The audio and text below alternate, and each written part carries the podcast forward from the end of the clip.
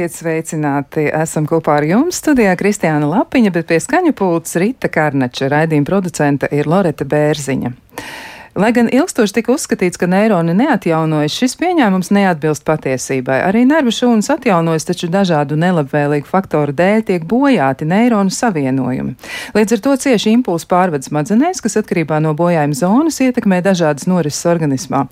Normāli impulsu pārvades smadzenēs noris ar ātrumu aptuveni 100 m2. Nu, varat mēģināt iztēloties, kas notiek ar jūsu smadzenēm tajā brīdī, kad uh, Jūs domājat, vai uztraucaties, vai darat kaut kādas lietas, vai varbūt plānojat savu nākotni. Šodien mēs arī runāsim par to, kā mēs jūtamies, un vairāk pievērsīsimies tieši mūsu pašu sabiedrības psihiskajai veselībai.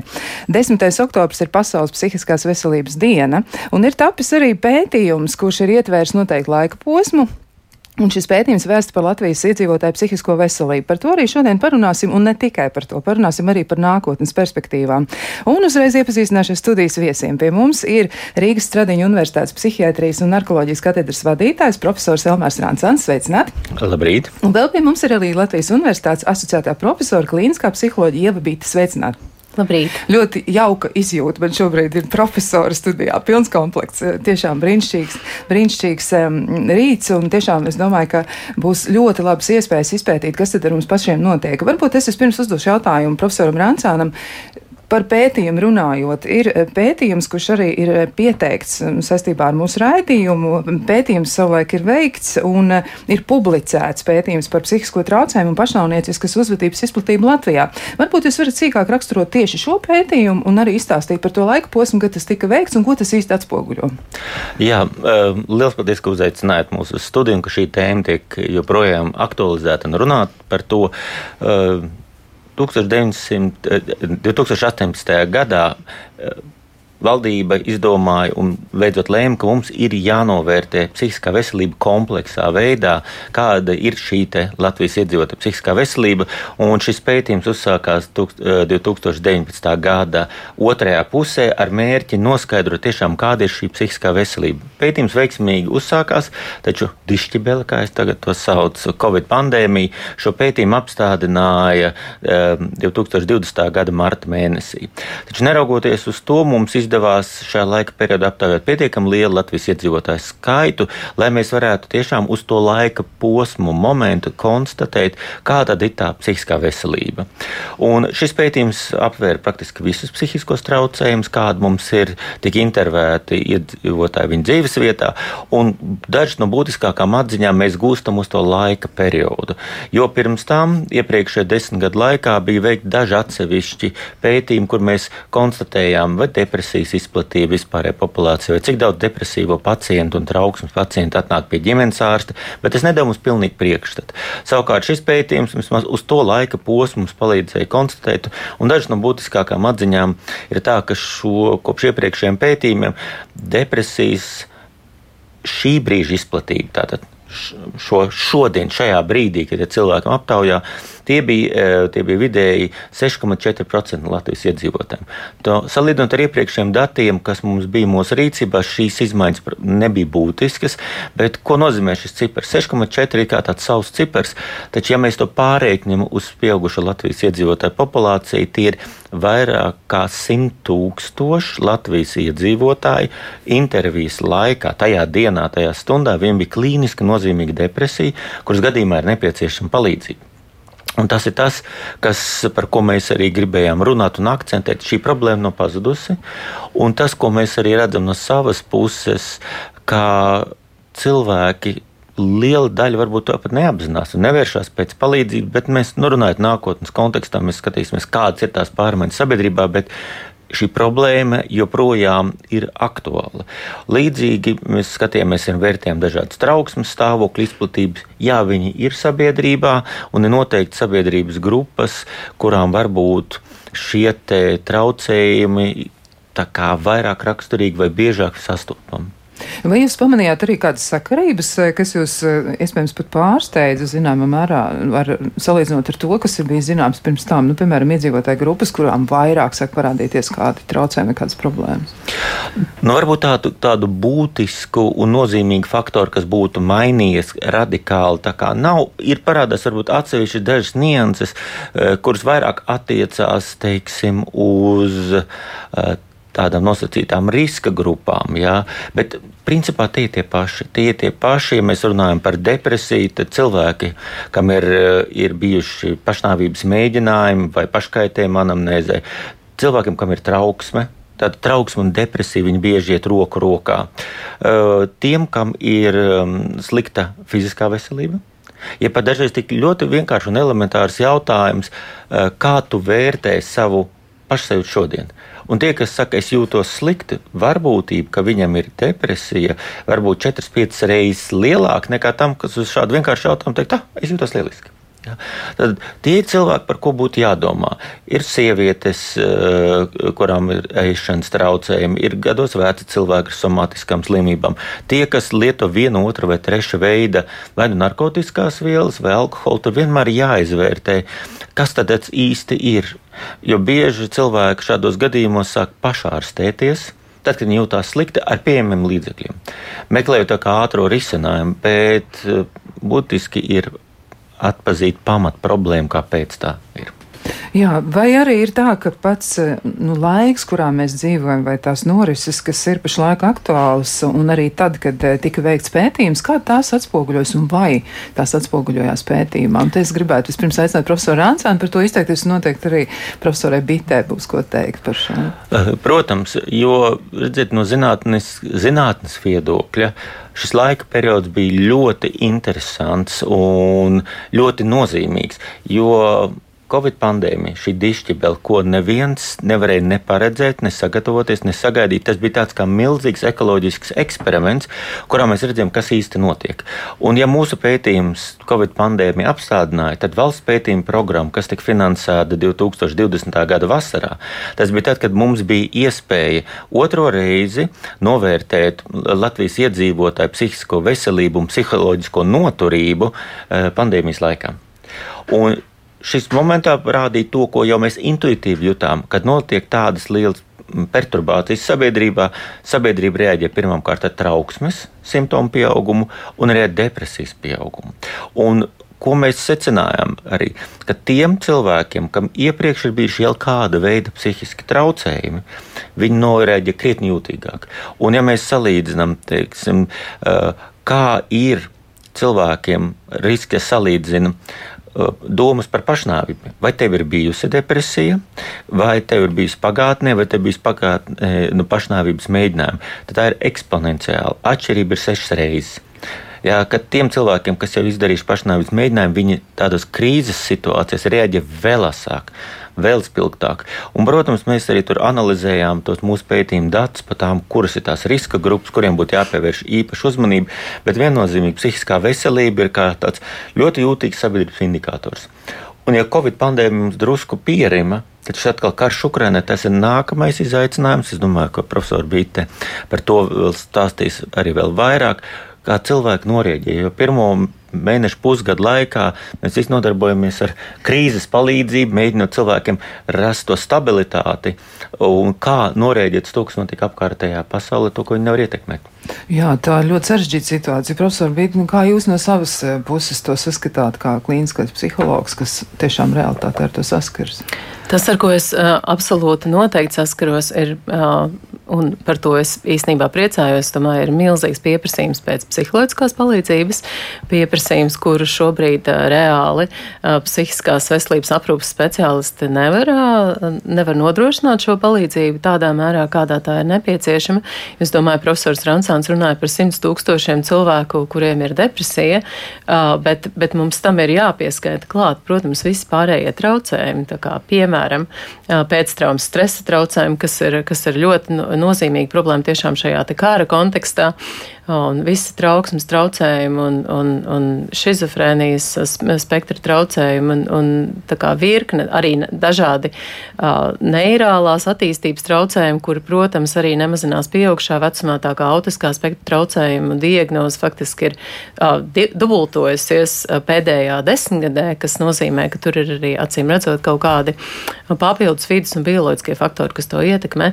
Tā kā neapšaubām situācijā saistībā ar psihiskās veselības jomu ir kritiska. Mums, mēs nedrīkstam aizmirst, ka pašnāvību skaits kopumā ir lielāks par uh, to skaitu, kurā cilvēki mirst autoavārijās.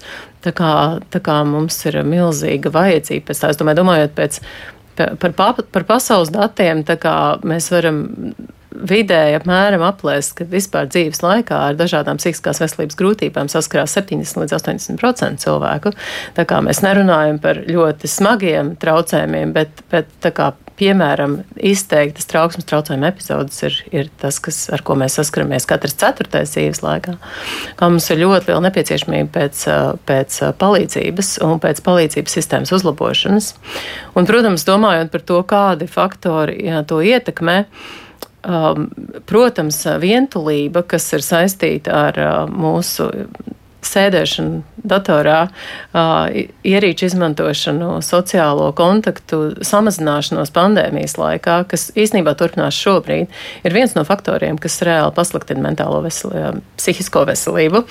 Un, un, un, un tāpat, protams, visas šīs negatīvās, traumatiskās bērnības pieredzes kuras tagad, ja mēs domājam par pieaugušiem cilvēkiem, tad. Tad, kad mē, tad, kuros, kuros laikos mēs augām? Daži no mums auga vēl padomu laikā, daži no mums auga 90. gados, kad bija visas šīs milzīgās krīzes, pārmaiņas un ekonomiskie izaicinājumi, noziedzības pieaugums un tā tālāk. Tā kā cilvēku nedrošība tajā laikā, protams, ietekmē to, ka pieauga gan vielu lietošana, gan, gan um, gan vardarbība un vardarbība, ģimene, vardarbība bērnībā, vardarbība ģimenē ir, protams, viens no faktoriem, kas uh, absolūti dramatiski ietekmē cilvēku psihisko veselību dzīves gaitā. Vai ir arī kāds tāds mīts, kas ir pastāvējis varbūt cilvēku galvās, nu, piemēram, ideja par to, ka, nu, ja ir cilvēks materiāli nodrošināts, tad viņu mazāk apdraud kaut kādas psihiskās veselības problēmas vai grūtības. Ne, man šķiet, ka tas varētu būt mīts, jā, nu, vismaz es tā domāju. Mm, daļai noteikti. Varbūt ir arī kaut kāda tāda secinājuma par šo, eh, jo es pievēršu uzmanību pētījumā, bija minēti dati, piemēram, par vīriešiem, kas lieto pastiprinātu alkoholu, jā, un viņi ir noteiktā vecuma grupā un varētu sagaidīt, ka viņi ir, nu, diezgan tā kā stabili, bet patiesībā patiesībā tur acīm redzot ir kādi faktori, kas ietekmē šo cilvēku pašizjūtu. Nu, ja mēs runājam par, par vīriešiem vidējā vecuma grupā, šī tendence, ka vīrieši vecuma grupā 40, 40 līdz 50, 55, principā varētu teikt, stiprais pēdiņās vājais dzimums. Jā. Jo, eh, ja mēs skatāmies uz pabeigtām pašnāvībām, vislielākais, augstākais pašnāvību līmenis ir šajā vecuma grupā. Un, ja mēs savukārt lūkojamies uz tendenci, kas ir pašnāvību mēģinājumiem, par kuriem uzzina medicīniskie dienesti, mums, protams, ļoti labi strādā mūsu neatliekamās palīdzības dienests, eh, kas ir tagad sniedz ainu pa visu Latviju. Un 2020. gadā ātrā palīdzība reģistrēja 1632 pašnāvības mēģinājumus. Un tie pašnāvību mēģinājumu pīķis ir tieši vecuma grupā 35. 40 gadi, kad cilvēki izdara pašnāvības mēģinājumus. Tātad tas noteikti jau ir, ir pazīme tam, ka cilvēki ir noteikti veidi krīzē. Piedāvām vēl tajā vecuma grupā arī novēro, ka ļoti lielam procentam no tiem, uz kuri, kur ātrā palīdzība ierodas sniegt, sniegt šo palīdzību, cilvēki ir alkohola reibuma stāvoklī. Tad šī ir divējādi iedarbība, jo no vienas puses alkohols varbūt cilvēki izmanto kā savu iekšā diskomforta mazināšanu, pašārstēšanos. Protams, ja alkohols tiek lietots ilgstošu laiku, tas jau kļūst pats par sevi kā problēma, tā ir tā kā lejpējoša spirāle. Un vienlaicīgi arī, ja cilvēks tajā brīdī, kad viņam ir domas par pašnāvi, viņš lieto alkoholu, tas tā kā izbrīvē, tas veicina šī soļa veikšanu. Tātad, tātad tā ir kritiska, kritisks moments, kas mums vis, visiem ir jāuztver un jādomā par to. Kāpēc cilvēkam tas tā notiek? Un daudz cilvēku tur ir darbspējīgā vecumā. Nā, tās nav tikai sociāla-ekonomiskas, materiālās problēmas. Ja? Tas ir drīzāk tieši tas, par ko arī e, profesors Bita varētu teikt, kas notiek viņa iekšējā dvēseles stāvoklī. Ja? Un kāpēc uh, stiprais vājais, ja vājais stiprais dzimums, vai viņi ir gatavi runāt par savām problēmām. Piemēram, kāda ir tā klientūra, kas ir mm -hmm. gatava nākt un runāt ar psihoterapeitu, ar psihologu? Jā, tieši tā, tas arī mans mm -hmm. jautājums. Jā, es varbūt arī atbildēšu uz to iepriekšējo jautājumu par naudu un laimi. Jā, kā, tas, protams, ir pierādīts, ka nabadzība ir viens no riska faktoriem arī psihiskās veselības um, problēmām, bet no otras puses tas īstenībā visvairāk attiecās tieši uz, uz ļoti, uh, uz ļoti lielu ekonomisko nevienlīdzību, sabiedrībās, kur ir milzīga atšķirības starp bagātiem un nabagiem.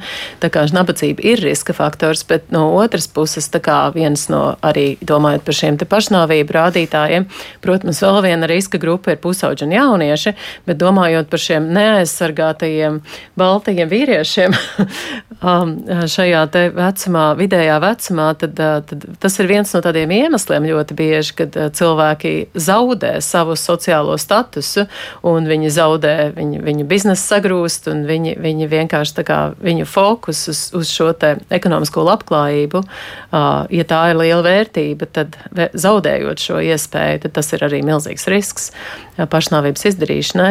Un domājot par to, kādi cilvēki nāk, es šobrīd, manuprāt, situācija ļoti mainījusies. Tiešām tā stigmatizācija saistībā ar psihiskās veselības problēmām ir, ir ļoti mainījusies. Tā kā, man liekas, viņa ir, ļoti, ir daudz mazāka šobrīd. Līdz ar to arī vīrieši sāk meklēt palīdzību aizvien biežāk. Tas tiešām cilvēki, kas meklē palīdzību, ir ļoti dažādi.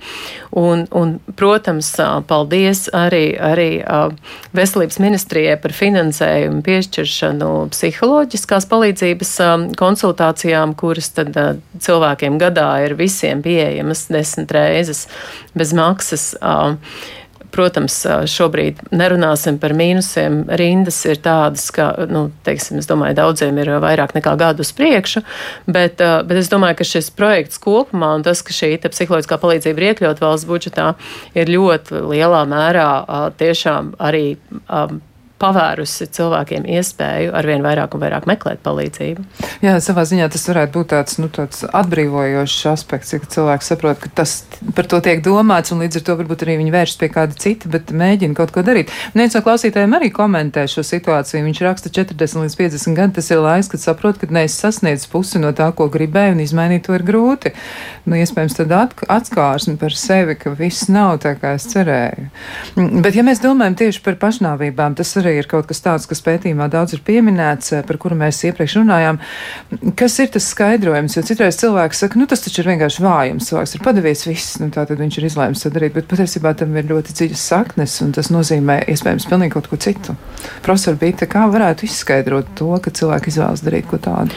Nu, Pašnāvība ir uh, mēģinājums atrast risinājumu situācijā un mirklī, kurā cilvēks citu risinājumu vairs neredz. Tā, tā ir, tas, tas ir faktiski veids, kā, kādā viņš grib uh, apturēt savas uh, psihiskās ciešanas, savas emocionālās sāpes. Un tam, protams, atkal cēloņi ir ļoti daudz, sākot ar ar, ar vīriešu dzimumu patiešām, un es domāju, tur ir dažādi faktori, un viens no tiem noteikti ir arī uh, mūsu kultūrā. Mēs nerunājam par emocijām vīriešiem ļoti bieži, tā kā vīriešiem ir grūtāk meklēt palīdzību. Un, un, un, un, un dažādi citi iemesli, un, vien, un, protams, atkal manas pieminētā bērnības pieredze. Kā uh, tas, ka ģimenē netiek bērns netiek pamanīts un viņa emocionālās vajadzības netiek atzītas, viņš, viņš, tas, ko viņš jūt, ir nepareizi, vai, vai, vai viņš vispār netiek sadzirdēts, vai pret viņu ir vardarbība, tas, protams, ir viens no galvenajiem riska faktoriem, kā ģimenes pieredze. Protams, mēs varam runāt par, par ģenētiskiem faktoriem saistībā ar depresijas pārmantojamību, bet faktiski tieši pati par sevi depresija ir viens no līdzās esošiem faktoriem, bet faktiski cilvēki, kuri izdara pašnāvības, ir visvairāk ir ar citām diagnozēm. Tā kā, piemēram, bipolāriem traucējumiem vai vielu lietošana, kur tā depresija, protams, arī ir līdzās esoša. Jā, nu vēl mans jautājums arī par to, kas ir vēl kāda vecuma grupa, piemēram, cilvēki, kas jau ir, nu, salīdzinoši tādā nobriedušā vecumā, un tomēr arī viņi cieš no psihiskās veselības eh, traucējumiem un problēmām. Varbūt arī pētījums ir atspoguļojis eh, vecuma grupu, kas, nu, par ko nav ierasts runāt, ja, nu, pieņemsim cilvēki, kas ir tuvāk pensijas gadiem. Ne, nu nevarētu teikt, ka pētījums par to nerunā. Jo, Šis pētījums runā. Jā, tieši, tieši tā, jo gados vecāki cilvēki vienmēr bijuši psihiskās veselības aprūpes eh, speciālisti. Tā kā tā kā uzmanības centrā, un tas, ko rādīja mums arī citi, citi pētījumi, pētījumi dati, ka viņiem gan depresija novēros salīdzinoši biežāk, gan, gan citi traucējumi, gan, ja mēs runājam par pabeigtām pašnāvībām, tā ir arī viena riska grupa. Jo, protams, cilvēkiem uh, briedumā, teiksim, pensijas vecumā, viņi iet cauri virknei. Uh, virkne dažādu sociālu un arī, arī emocionālu uh, problēmu risinājumu. Jo, redziet, kā, ja mēs skatāmies tam cilvēkam, kam šodien ir 65, kas varētu pensionēties, Kad viņš ir dzimis? Viņš ir īsts padomu laika produkts ar visu sociālo sistēmu, kārtību, paradumiem un arī sevis veidošanu. Jo agrāk mūsu eh, sabiedrība bija ļoti tāda piespiesti ģimenes centrēta varēja būt trīs paudzes dzīvot vienā dzīvoklī. Ja?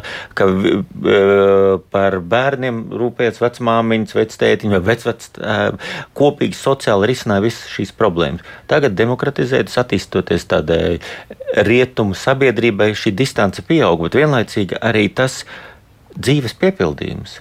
Jo kā taču agrāk dzīvoja bērniem, dzīvoja mazbērniem, tas veido to dzīves kodolu un saturu, un tagad šīs sociālās konstrukti mainās distance notiek, mums pāriet eh, uz kādu rietumu sabiedrības modeli, un tad cilvēks, ja viņš sasniedz to briedumu vecumu, kas veido viņa dzīves saturu?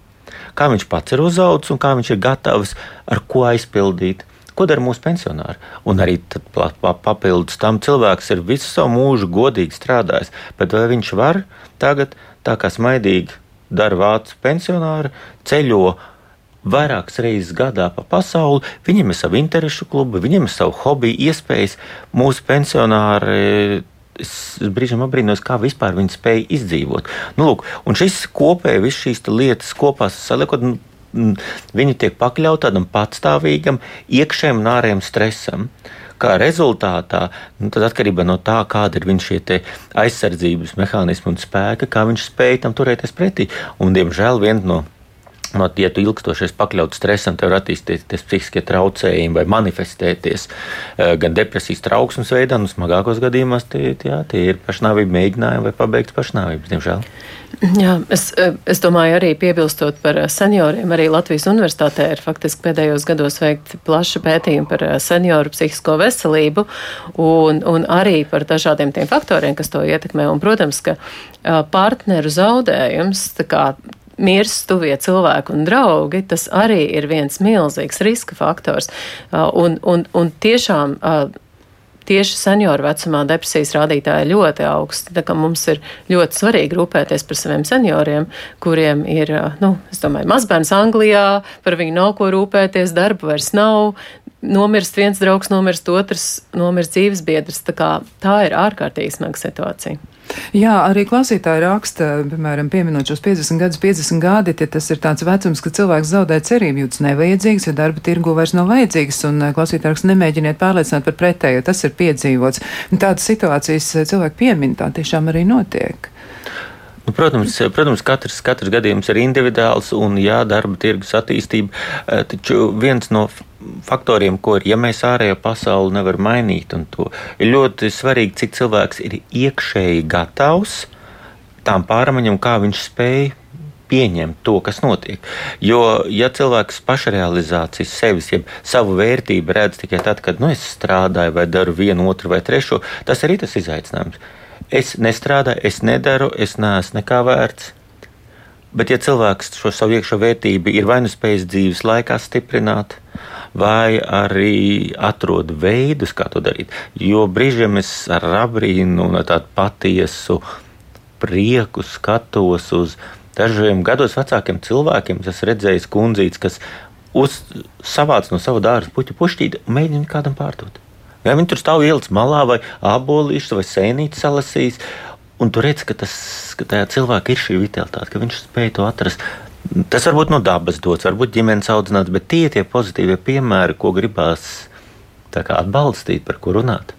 Jā, es varbūt arī piebildīšu, ņemot vērā to, ka es tiešām jau nodarbojos vairāk nekā 11 gadus ar kognitīvu behaviorālo psihoterapiju, kas ir viena no visvairāk pierādījumos balstītām palīdzības metodēm. Tā kā tur tas depresijas skaidrojums un tas, kā ir parādīts, kā šī depresija um, uztur pati sevi un padziļinās, ir saistīts ar to, šo tā saucamo depresijas spirāli.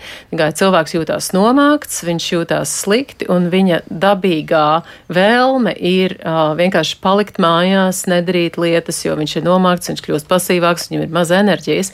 Un tas, tas paradoks ar šo depresijas spirāli ir tas, ka, ja viņš ļaujās šai vēlmei, viņš izolējas, viņš paliek vientuļš, viņš nevienam nezvana, viņš nesalasa tās puķes un neiet viņas tirgot, lai, lai, lai, lai sevi tā kā drusku iepriecinātu, tad faktiski tas to depresiju turpina uzturēt un ved arvien, arvien dziļāk un dziļāk šajā nomāktības bedrē. Līdz ar to patiešām viens no tādiem ļoti būtiskiem uh, ieteikumiem cilvēkiem būtu uh, neizolēties, neļauties šai vēlmei um, um, palikt. Uh, mājās palikt vientuļiem un nedarīt. Tā kā tieši otrādi, tiešām paskatīties uz šiem pozitīviem mirkļiem, pat ja tā sajūta ir, ka to pilnīgi noteikti negribās, bet uh, tas, kas ir pierādīts, ir, ka patiešām pasivitāte un izolēšanās uh, tikai padziļina dažādas grūtības. Visu, kas saistīts ar psihisko veselību. Jā, nu tas aizved atpakaļ pie tā, ko jūs konstatējāt pētījumā arī par covid ietekmi. Ja cilvēki bija spiest izolēties, viņi bija spiest atrasties ilgu laiku noslēgtās telpās, nekur viņi nevarēja doties, un ļoti daudz citas lietas arī bija ierobežotas. Nebija iespējas aiziet uz teātri vai satikties ar draugiem. Fiziskā aktivitāte, es domāju, arī tā pazeminās, ja mēs sēžam mājās, tā kā mēs neejam līdz vecrīgai no, no vietas, kur mēs varam nopirkot mašīnu. Tā kā tie ir varbūt drusciņi soļi, bet tie tomēr ir. Un es domāju, tas, tas kopā fiziskā aktivitāte ir tik ļoti nozīmīga arī psihiskās veselības um, uzlabošanai. Jā, nu vēl tāds komentārs arī, ka par pensionāriem tieši, ka pensionārs ir visstabilākais psihiski. Jā, viņam ir pensija, ar ko var rēķināties. Un sarežģītāk ir tieši tiem, kam ir pāri 50, jo šajā vecumā es neaizsargāts. Nu, jā, nu, darba tirgu cilvēki, kas ir joprojām iesaistīti, viņi arī saka līdzīgas lietas, ka tā ir. Jā, nu, mums vēl ir daudzas lietas pārspriežamas, bet Eh, šis ir tas mirklis, kad mēs nedaudz varam atvilkt telpu, un tad jau atgriezīsimies pie šīs sarunas. Kā labāk dzīvot? Turpinām sarunu par mūsu pašu psihisko veselību un arī gan par pētījumiem, kas ir veikti šajā jomā, gan arī par iespējamiem nākotnes risinājumiem, kas palīdzētu mums visiem justies labāk un arī palīdzētu sabiedrībai vieglāk pārvarēt dažādas grūtības, ar ko laiku pa laikam nāks saskarties. Atgādināšu, ka pie mums studijā ir Rīgas Stradiņa Universitātes psiholoģijas, psihiatrijas un narkoloģijas katedras vadītājs profesors Elmārs Rancāns un arī asociētā profesora Latvijas Universitātē klīniskā psiholoģija Ieva Bite. Es gribētu atgriezties nedaudz pie Covid. Mēs runājām par to, ka arī pētījums, kurš tika veikts, nu, tad, tad tur bija tie Covid viļņi vairāki, ja, un eh, noteikti arī jūs pievērsāties tam, kas ir tie faktori, kas ietekmē cilvēku spējas izturēt vispār to, kas ar viņiem notiek. Varbūt mazliet vairāk jūs varētu ilustrēt šo te psiholoģisko noturību vispār. Jā, kā jau profesors Bita minēja, uh, psiholoģiskā noturība ir viens no atslēgas elementiem, kas palīdz cilvēkiem iet un pārvarēt dažādas dzīves krīzes. Tas tas, kas notika ar mums visu, ar kopējo sabiedrību pirma, uh, Covid pandēmijas laikā. Mums bija iespēja veikt šo pētījumu pēc pirmā viļņa, pēc pirmā šīm neziņas, trim, četriem mēnešiem un novērtēt, kuras tad bija tās stratēģijas, kas cilvēkiem palīdzēja labāk pārvarēt to. Un kādi bija tie mūsu kopējie secinājumi? Kas ir tas, kas ir svarīgi? Par ko domāt, ja cilvēks saskaras ar kādu veidu lielākām krīzēm. Pirmkārt, pilnvērtīgs miegs, jo miegs ir tas laika periods, kad mēs atjaunojamies, kad mūsu smadzenes, jā, pēdiņā sakot, attīrās. Ir pētījumi, ka miega laikā no mūsu smadzenēm tiek izvadītas tās sauktā, nu, nevarētu teikt kaitīgās vielas, bet uh, pārstrādes produkti. Svarīgi ievērot dienas režīmu, tātad ir svarīgas fiziskas aktivitātes, pastaigas, ir nodara tāda efektīva laika plānošana, ka mēs tomēr vienalga, kādā esam mēs ierobežotā, vai mums ir daudz brīva laika vai maz, jo efektīvāk mēs plānojam laiku, strukturējam, jo vieglāk tā diena rit. Ir jābūt līdzsvaram starp darbu un atpūtu. Un arī tas ir svarīgi, jo kādreiz ir daži cilvēki, kas ir ļoti apzinīgi, vai savukārt darba apstākļi ir tādi, kas spiež viņu strādāt virs tam. Un tad sākās tie procesi, ko mēs runājam par izdegšanu. Jā, tad šis ir balans svarīgs. Ja cilvēkam ir interese, iespējas, un viņš interesēs par garīgām praksēm, meditācijām. Tas ir tas, kas palīdz saprast sevi, sajust sevi un arī nomierināties sevi, savu prātu un ķermeni, neizmantojot nekādu citu papildu vilnu. Nodarbošanās ar vaļaspriekiem ļoti svarīga lieta, jo tas arī tas, kas gan palīdz šo balansu saglabāt, gan arī dot to emocionālo gandarījumu, jo mūsu hobiji prieki ir tie, kas mūs uzlādē. Protams, pilnvērtīgas seksuālas attiecības. Par tām nedrīkst aizmirst, par tām jārunā. Tā ir viena no uh, cilvēku savstarpēji pārattiecības, ģimenes attiecības būtiskiem elementiem. Jo cilvēki aizmirst par to, ka kas tad, kas tad ir mūsu attiecību un ģimeņu pamatā. Principā tas ir sievietes un vīriešu attiecības. Jo kādreiz, ja pāris sāk dzīvot tikai bērniem un pazūd šis elements, tad tas kas pamazām viņi pārvēršas no pāra, viņi pārvēršas tikai par vecākiem. Un tas ir tas, kur viņa attiecība parādās plaisa un distancējas, un kas tad notiek tad, kad bērni izaug? Tad viņas vairs kā nekas nesaist kopā, un tas sakrīt ar citām dzīves krīzēm. Tad šīs ir lietas, par ko vajadzētu domāt un atcerēties, un tās ir universāls. Tas bija Covid, bet principā šīs stratēģijas ir universāls jebkurā dzīves pārbaudījuma laika periodā. Jā, es vēl droši vien piebildīšu arī draudzības, jo tas arī ir, ir pētījumos pierādīts, ka psihiskā veselība ir faktiski saistīta arī ar mūsu uh, tuvām draudzībām. Tā kā, uh, ja psihiski veselam, līdzsvarotam cilvēkam ir ļoti jauki, ja viņam ir trīs līdz četri tiešām tuvi draugi, kuram viņš var piesnīt jebkurā laikā un, un pastāstīt, kā viņam iet vai neiet. Un, un tas ir ļoti būtiski. Un es domāju, pie šī visa mēs droši vien arī uzturu varam pieminēt, jo jebkurā krīzes situācijā ir, ir vērts domāt par to, ka mēs mazāk lietojam vielas un, un mazāk lietojam cukuru. Kas faktiski ir tieši tas, nu, atkal pretēji. Varbūt mums tieši vairāk gribās to darīt, ka mēs jūtamies slikti, bet, bet ieteikums ir, protams, to samazināt. Jā, mums ir arī klausītājs zvani. Mēs varam uzklausīt jūs, lūdzu, esiet sveicināti. Sveiki! Jā, mēs jūs dzirdam. Jūs viesiņi, es saprotu, tas pētījums ir taisīts Latvijā. Jā? Un jūs vieši minējāt tādu grupu kā Balti vīrieši, arī kādi citi pētīti.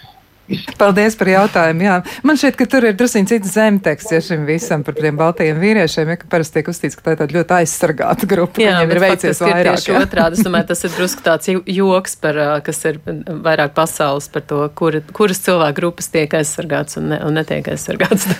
Jā. Tas bija joks. jā, tas bija joks. E, nu, vēl ir nākamais klausītājs zvans, mēs klausāmies. Kaut gan, kaut gan es domāju, domājot par, par, par, at, par, par rasismu Latvijā, es domāju, viņš ir augsts. Tā kā tas varbūt varbūt jā. arī nemaz nav joks. Jā, jā, jā, tā arī ir problēma. Jā, klausītāji gaida, mēs jūs dzirdam, lūdzu. Jā, labrīt. Es domāju, ka psihiatrijā pirmkārt vajadzētu risināt pašus svarīgākos jautājumus. Tā ir nabadzības problēma, ko valdība nekādīgi nevar atrisināt ne pensionāru jautājumā, ne invalīdu kopēju jautājumā. Otrais punkts būtu skolas mācību programmu pārslodze, par kurām runā skolēni. Ja? Jo tomēr šis milzīgais programmas apjoms ir piemērojams katrai valstī individuāli. Ja?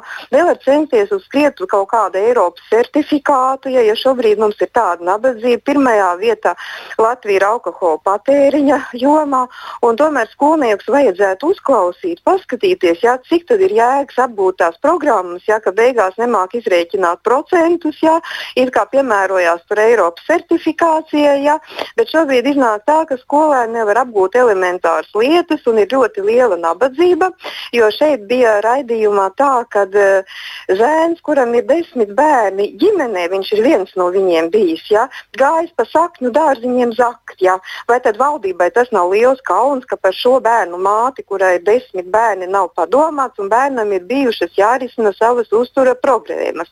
Ir jāsāk no nulles, ja, un tikai tad psihiatrijā, un tad mēs iemācīsimies ārstēt un novērtēt pareizi cilvēka stāvokli, ja, sadarbojoties kopā ar valdību. Bet šodien par to noteikti baidās runāt, jo redz Vācijā un arī ļoti daudzās citās valstīs ir padomāts gan gan par invalīdu kopējiem, ja, tur strādā divi cilvēki ar piemērotām algām, kop cilvēkus mājās. Cilvēkiem nav jāuzturās pansionātos, mājās tiek izvārītas pusdienas, veikts medicīnas manipulācijas, ja, un cilvēki jūtās apkopti nērti mājās. Ja. Bet, ja Ventspils pansionātā parādās prusaki, prusaki tad tas Ai, ir vienreizēji. Paldies. Tas, tas ir nelāgi, tur jau tā lieta, jā, nu par to noteikti arī ir jādomā. Varbūt arī studijas viesiem ir komentārs par šo. Jūs arī pieminējāt, nabadzība ir būtisks faktors, kas Jā. destabilizē cilvēku. Tas ir skaidrs. Es domāju, dom, domājot arī par, par šīs kundzes minēto saistībā ar skolu, protams, domājot par psihisko veselību, mums pirmā kārtām ir jādomā par prevenci, kā mēs varam uzlabot cilvēku labsajūtu pirms viņiem ir sākušās psihiskās veselības problēmas.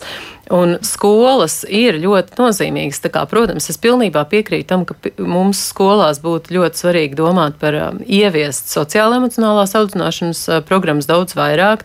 Ne, mēs nedrīkstam fokusēties tikai uz, uz um, akadēmiskām sekmēm, bet domājot arī par šīm akadēmiskajām uh, grūtībām, ar kurām bieži vien bērni saskarās. Tas ir tik ļoti svarīgi, lai skolā šī pieeja būtu daudz individualizētāka, jo mēs esam atšķirīgi. Mēs katrs mācāmies citā veidā. Un, protams, ka, ja bērnam ir grūtības uh, saistībā ar mācīšanos vai saistībā ar attiecību veidošanu, mums ir ļoti svarīgi viņam uh, sniegt palīdzību. Jā, patiesi arī klausītāji piekrīt. Viņi raksta, ka nabadzībai pat līdzekļu trūkums var veicināt negatīvas un depresīvas domas. Jā, tomēr minētā svežzem pensionāra ceļošana vispār iespēja salīdzināšana, manuprāt, noved mūs no ceļa. Tas tikai liek justies nožēlojami un ceļus netaisnīgumu. Domāju, ka vairāk jādomā un jāvēršas, jāveicina tas, ka cilvēki iepazīst paši sevi, atrod savu patiesā prieka avotu, skaidrāk novērtē savas vajadzības un iespējas, neizšķiež savus spēkus un atvēlēto laiku. Tas dod sapratni un spēku gan zaudējot līdzcilvēkus, gan arī arī mainoties dzīves apstākļiem, ja visos vecumos tas varētu palīdzēt. Jā, nu, man liekas, ka kolēģi, eh, studijas eksperti, abi, abi mūsu brīnišķīgie profesori jau minēja šīs lietas, bet vēl ir arī tāds nu, ļoti tiešs piemērs, kas ir milzīgs izaicinājums katram, kas varbūt to klausīsies. Nu, piemēram, mazmeitiņa 15 gadi sagrāzīja sev rokas un kājas matu un es nezināju, nenojaut līdz aizbraucu uz jūrmalu, kur ieraudzīja bērnu peldkastījumā. Visiem šoks. Izrunājās, aizved pie psihologa, it kā viss nostājās savās vietās, bet pēc pāris dienām atkal bērns sagraizīja sevi. Un meitenei ir ļoti liela mazvērtības komplekss, ļoti bīkla, klusa un kautrīga. Un ko mums darīt? Nu, tas ir tāds ļoti konkrēts jautājums, bet man liekas, tas atspoguļo ļoti daudzu pusauģu jauniešu problēmas. Jā, neapšaubām. Ta, tas, tas atkal ir, ir ļoti spilgts piemērs uh, tam, ka ka, ka šis pusaudzis jūtās patiešām slikti, un viņam ir grūtības tikt galā ar savām emocijām, viņš jūtās neiederīgs, un, un šī sevis graizīšana ir veids, kā viņš šīs emocijas mēģina regulēt, protams, absolūti pašdestruktīvā veidā, kas ir ļoti bīstami un kas ir absolūti skaidrs kliedziens pēc palīdzības. Jā, ir vēl kāds klausītājs zvans, mēs klausāmies, lūdzu. Es, labdien! Es gribētu pateikt Ievai Bitei ļoti, ļoti lielu paldies un pajautāt jautājumu, vai viņi ir izdevusi, izdos vai izdevusi kādu grāmatu par savu tēmu. Paldies par jūsu jautājumu. Jā, nu, protams, mums ir tāda jauka izdevība, ja vai bitai pavaicāt, vai taps, kas jauns, vai, vai lasītāji tiks iepriecināti ar nu, kādu grāmatu, kas varētu viņiem palīdzēt dzīvot. Jā, es paldies, paldies par iedrošinājumu. Tas man palīdzēs um, turpināt šo, attīstīt šo domu par grāmatu. Jā, nu, noteikti tas būtu tā vērts. Vēl arī klausītāji piemin, ja ir draugs, darbs, nauda, seks un tā tālāk, tad ret, kuram ir šādas problēmas. Nu, tiešām tas ir tāds brīnišķīgais komplekts, ja, kas varētu būt būt mm, iesakāms katram. Bet vēl atkal no otras puses ļoti dažādas pieredzes, acīm redzot, ir, jo viena no klausītājiem raksta, nē. Draugus nevajag, tie var nodot, un tad būs vilšanās. Labāk daudz labu paziņu, tā ir vērtīgāk. E, nu, vēl ir tāds arī viens no ieteikumiem no klausītāja puses, ka psihologiem par sabiedrības veselību kā vienu no datu avotiem būtu jāizmanto sabiedriskie mēdīji, e, dati, sociālai tīkli, kuros, nu, it kā ir koncentrēti vismaz pus Latvijas iedzīvotājiem. Protams, arī, nu, tas ir veids, kā varētu tikt, nu, kaut kādas manipulācijas īstenots un cilvēki varētu tikt ietekmēt. Kāds ir jūsu domas par tehnoloģiju klātbūtni un ietekmi uz cilvēku psihisko veselību? Un arī šie par sociālajiem sociālie tīkli, kaut kādas kopienas, kas tiek veidotas, kur cilvēki mēģina iesaistīties? Zina, tas ir tāds neviennozīmīgs eh, jautājums, jā, un es domāju, Ievai būs vēl vairāk ko komentēt. Eh, jebkurš no mums šai brīdī atvērs savu profilu, ja viņam ir sociālais profils vai Facebook vai Instagram, ko viņš tur redzēs?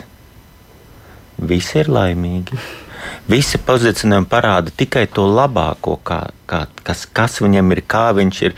Kurš ieliks savu, cik bieži cilvēki ieliek savā profilā, kā bildi, kā viņš no rīta tikko pamodies no gultas. Nē, visi pozās, skaisti, eleganti. Un tas no vienas puses tā kā var priecēt, bet tam otram cilvēkam rada tādu varbūt pat brīžiem nereālu dzīves ainu. Tur visiem ir labi. Un tad viņš kontrastē ar savu reālo dzīvi, savu iekšējo sajūtu. Uh, Līdz ar to tas nav tik viennozīmīgi. No vienas puses, jā, tā ir iespēja komunicēt, bet arī daudz runā par to, par uh, heitu, kas notiek, kas notiek, ja kāds ir citādi domājošs. Uh, kas varētu gan noderēt, un tas visā pasaulē strādā, ir tās sauktās uh, pašpalīdzības grupas, jeb cilvēki, kuri apvienojas ar līdzīgiem traucējumiem, pieņemsim, depresīvo pacientu uh, organizācijas, pašpalīdzības grupas. Mums ir, ir pieņemsim, citos somātisko traucējumu, jā, ir dzīvības koks, ir papārdas ziets, ir, ir organizācijas, kuras apvieno cilvēkus, kam skar līdzīgas problēmas. Un tas ir milzīgs palīdzošs spēks tiem cilvēkiem, kas tajā iesaistās. Diemžēl Latvijā pa visiem šiem gadiem, es jau pār pa 20 gadiem esmu psihiatrijā, nav izveidojusies tāda viena pietiekami spēcīga un stabila grupa vienam otram traucējumam. Jā, mums ir ir organizācija uh, psihiski slimu radiniekiem, pacientiem, bet Tas ir pamāts. Pasaulē krietni vairāk. Un šis būtu tāds liels spēks, kas varētu palīdzēt cilvēkiem tajā brīdī, kad viņi ir krīzē, kad viņi nezina, nespēja atrast savu uh, atbildi uz saviem jautājumiem, kaut kur vērsties un saprast, cik cilvēki, kas jau ir pusoli, divas vai trīs jau tālāk, jau izgājuši no šī stāvokļa. Tas vienmēr būtiski palīdz. Un, diemžēl, jā, mums bija viena brīdi arī viens pacients. Uh, iniciēta un kādu brīdi radīt bija saules zīmes, tāda kustība arī bija. Tas palīdzēja, bet, bet līdz galam tas neuzģenerēs, un lielā mērā tas ir saistīts varbūt ar sabiedrības aizspriedumiem, ka joprojām vārds psihiatrija, psihiskie traucējumi, psihiskā veselība ir, ir nes līdz tādu kā negatīvu skanējumu. Cilvēki baidās par to runāt. Un pretstatājs jums var minēt arī vienu pozitīvu piemēru no Igaunijas. Igaunija nesen man kolēģi atsūtīja, ir izdevuši eh, lielu ziņojumu jā, par, par to, par psihisko labsajūtu, par psihisko veselību. Un viens no patroniem šim ziņojumam un šīs problēmas aktualitātei ir Igaunijas prezidents. Es domāju, ka mūsu prezidents, ņemot vērā viņa atraktivitāti un ārkārtīgi lielo iesaistītības pakāpi sabiedrības dzīvē, varbūt arī varētu mēģināt aplūkot savu dienas kārtību. Varbūt viņš arī varētu kaut ko iekļaut. Es, protams, nevaru dot norādes, ko jā. darīt, bet eh, šķiet, ka tas varētu būt arī mm, vairāk iespējams nekā neiespējams. Ir vēl kāds klausītājs zvans. Mēs klausāmies, lūdzu. Jā, mēs gan šausmīgi izturēšanās vispār. Es esmu šokā par jūsu visu izturēšanu, jūs to runāšanu. Sakiet, lūdzu, ko man darīt? Man ir 83 gadi. Es dzīvoju 5. stāvā. Pa trepēm lejā es nevaru noiet, jo man ir grūti. Man ir pārvietošanās, eh, nu, ar stokiem staigāt, muguras problēma laikam mugurā. Jo es varu iziet ārā ar ratiem tikai, bet ratus nevaru vien pat nonest. Un kā man rīkoties, kā man pārvietoties, jo man nav iespējams iziet ārā nemaz. Jā, patiesi jūsu problēma ir ļoti nopietna, un es ticu, ka arī vajadzētu mēģināt atrisināt, eh, nu, un, un to izdosies izdarīt. Eh, noteikti to varētu darīt. Visticamāk, ir jāmēģina atrast tādi tiešie kontakti, un eh, ir arī palīdzības, Sociālais. un sociālais dienests noteikti var iesaistīties, un sociālais dienests savukārt varētu dot norādes par to, kas varētu tikt darīts tālāk. Jā, bet, bet noteikti sociālais dienests, manuprāt, varētu būt tiešām pirmais posms, ko varētu iesaistīt. Kā jūs skatāties uz nākotnes prognozi? Jo dati ir iegūti, ir, ir, ir izpētīts kāds laika posms, un ir arī idejas par to, kas varētu notikt tālāk uz priekšu. Varbūt ir vēl kāds pētījums plānots relatīvi tuvā nākotnē. Nu, nu pirmkārt, ko es gribētu teikt? Apzinoties, un principā psihiskā veselība pēdējo es jau teikšu, ka astoņu gadu laikā ir bijusi starp vienām no uh, veselības ministrijas prioritārajām veselības jomām, kam pievērst uzmanību. Mums ik pa diviem, trim gadiem top psihiskās veselības uzlabošanas plāns. Un tāds arī pagājušā gada uh, beigu nogalē tika pieņemts ar ļoti skaidru redzējumu, skaidru plānu, kas pateikt, ko mēs redzam, ko vislabāko mēs um, varētu darīt. Viņš ir iezīmēts, sareiķināts naudas nākamajiem trijiem gadiem, uh, kas ir. Mm, 5 miljoni šogad, 12 nākamgad, 14 aiznākamgad būtu svarīgi, ka tas tika realizēts tā, kā iecerēts. Un, diemžēl šī realizācija neiet tā, un it kā pat likumā paredzētā nauda netiek piešķirta pilnā apjomā visām aktivitātēm, kā mēs gribētu. Un tas ir tas, ko mēs aicinām arī politiķi un valdība domāt un piešķirt to realizēt, nevis atstāt tikai veselības ministrijas pārziņā, lai viņi meklē iekšējos resursus jau tā plānajā veselības aprūpas maciņā. Pretstatā tam, ko mēs redzam mūsu kaimiņi, Lietuva, Igaunija, Polija, tad, kad nonāk jautājumu līdz psihiskai veselībai. Viņiem tas ir top prioritāte. Lietuvas parlamentā ir pat speciāla komisija, kas atbild par psihiskās veselības uzlabošanu valstī. Tieši mums divas nedēļas atpakaļ bija konference par jauniešu pašnāvībām un atkarību izraisošo vielu lietošanu, un tas tiek pacelts parlamenta līmenī un diskutēts par to nozīmīgi. Jā, kaut kas notiek arī Latvijā lēnām pa soļiem, bet mēs atpaliekam no mūsu pašu plāniem. Tas tas, ko es noteikti gribētu un vēlētu, lai valdība to sadzird. Parlaments to sadzird un vēl aktīvāk to atbalsta. Tas ir tas no valstiskās puses. Ko kā speciālisti mēs nenoguruši darām to tik daudz, cik mēs varam. Mums psihiatriem ir cieši jāsadarbojās ar ģimenes ārstiem. Mūsu psihiatrijas narkoloģijas katedra tikko ir uzsākusi atkal realizēt Tātad pieredzes apmaiņas programma ģimenes ārstiem, eh, kas ir pamatojas uz mūsu sadarbības projektu ar Amerikas Savienotajām valstīm, tādu ekoprojektu. Eko mēs esam uzsākuši ģimenes ārstu papildus izglītošanu, eh, kā vislabāk būtu atzīt un, un ārstēt psihiskos traucējumus. Primērā aprūpē mums sadarboties, bet šis ir praktiski tā katedras brīvprātīgo darbs, tas nav valstiski finansēts vai atbalstīts projekts, bet šīs lietas mums ir vajadzīgas. To mēs cenšamies darīt no savas puses. Jā, un ko, ko piebildīs profesor Bīte? Tad es um, savukārt no, um, skatu, raugoties arī no, no savas puses, arī kāda pētījuma tiek veikti Latvijas universitātē, arī faktiski sadarbībā arī ar Rīgas Stradiņu universitāti un, un, un Liepājas um, universitāti. Tā kā tas, pie kā mēs šobrīd ļoti uh, intensīvi strādājam, ir par psihisko un neirālās attīstības traucējumu um, tieši skrīnēšanu jau agrīnā vecumā. Tā kā tas ir ļoti liels projekts ar pārisoru koordinācijas centra finansējuma, kur, kur tiešām tiek izstrādāts šis agrīnās attīstības risku skrīninga instruments. Arī tur ir ietilpst arī uh, emocionālā veselība jau bērnu vecumā. Un tas, ko mēs šobrīd strādājam, pie kā mēs strādājam, ir pie rekomendāciju izstrādes un arī pie agrīno intervenciju ieviešanas.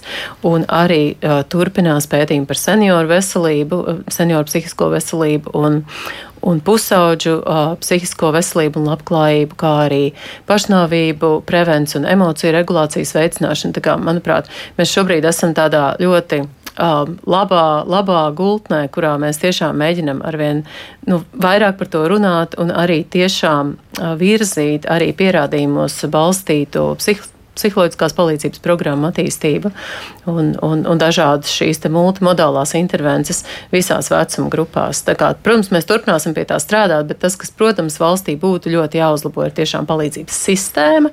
Sistēma kā tāda, kurā katram cilvēkam ir pilna skaidrība, kur, kurā brīdī viņam vērsties, kā kundze, kura, kurai tiešām būtu ieteicams vērsties sociālā dienestā līdzīgi. Tāpat mums šobrīd tiešām trūks sistēmas kā, kā strādāt, ar, ja cilvēkam ir kaut kādi riski psihiskās veselības traucējumiem, un arī viņš ir saņēmis palīdzību, kas notiek pēc tam, kas notiek pēc tam, kad viņš ir ārstējies, piemēram, psihiatrijas klīnikā. Tā kā šī sistēma pagaidām, nu, mums ir daudz izaicinājumu, pie kuriem jāstrādā. Jā, nu tā tad darbam ir jāturpinās. Droši vien ir vērts satikties vēl pēc kāda laika un skatīties, kā situācija ir mainījusies, un arī mēģināt uzraudzīt, ja, lai tā nauda nepazūd.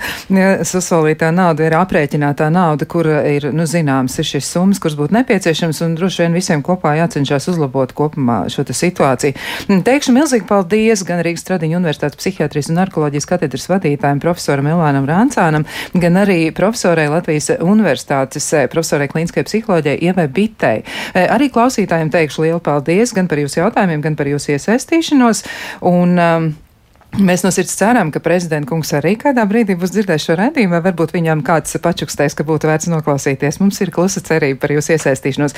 Eh, savukārt rīt, eh, rīt jūs runāsiet eh, ar maniem kolēģiem, ar Elvi Jansonu, un varēsiet izpētīt, kāda ir jauna interneta platforma, kura vieno vairāk kā 70 dabas turismu pakalpojumus Latvijā un Igaunijā, kāpēc tāda ir izveidota un kā mēs varam to lietot. To jūs noskaidrosiet rīt. Mm, šobrīd es no jums atvedos, saku, lai jums jauka diena, un paldies jums saka arī mm, visa raidījuma komanda producenta Loreta Bērziņa, bet pie skaņu pults kopā ar jums bija Rita Karneča. Lai jums brīnišķīga diena un tiekamies atkal kādu citu reizi!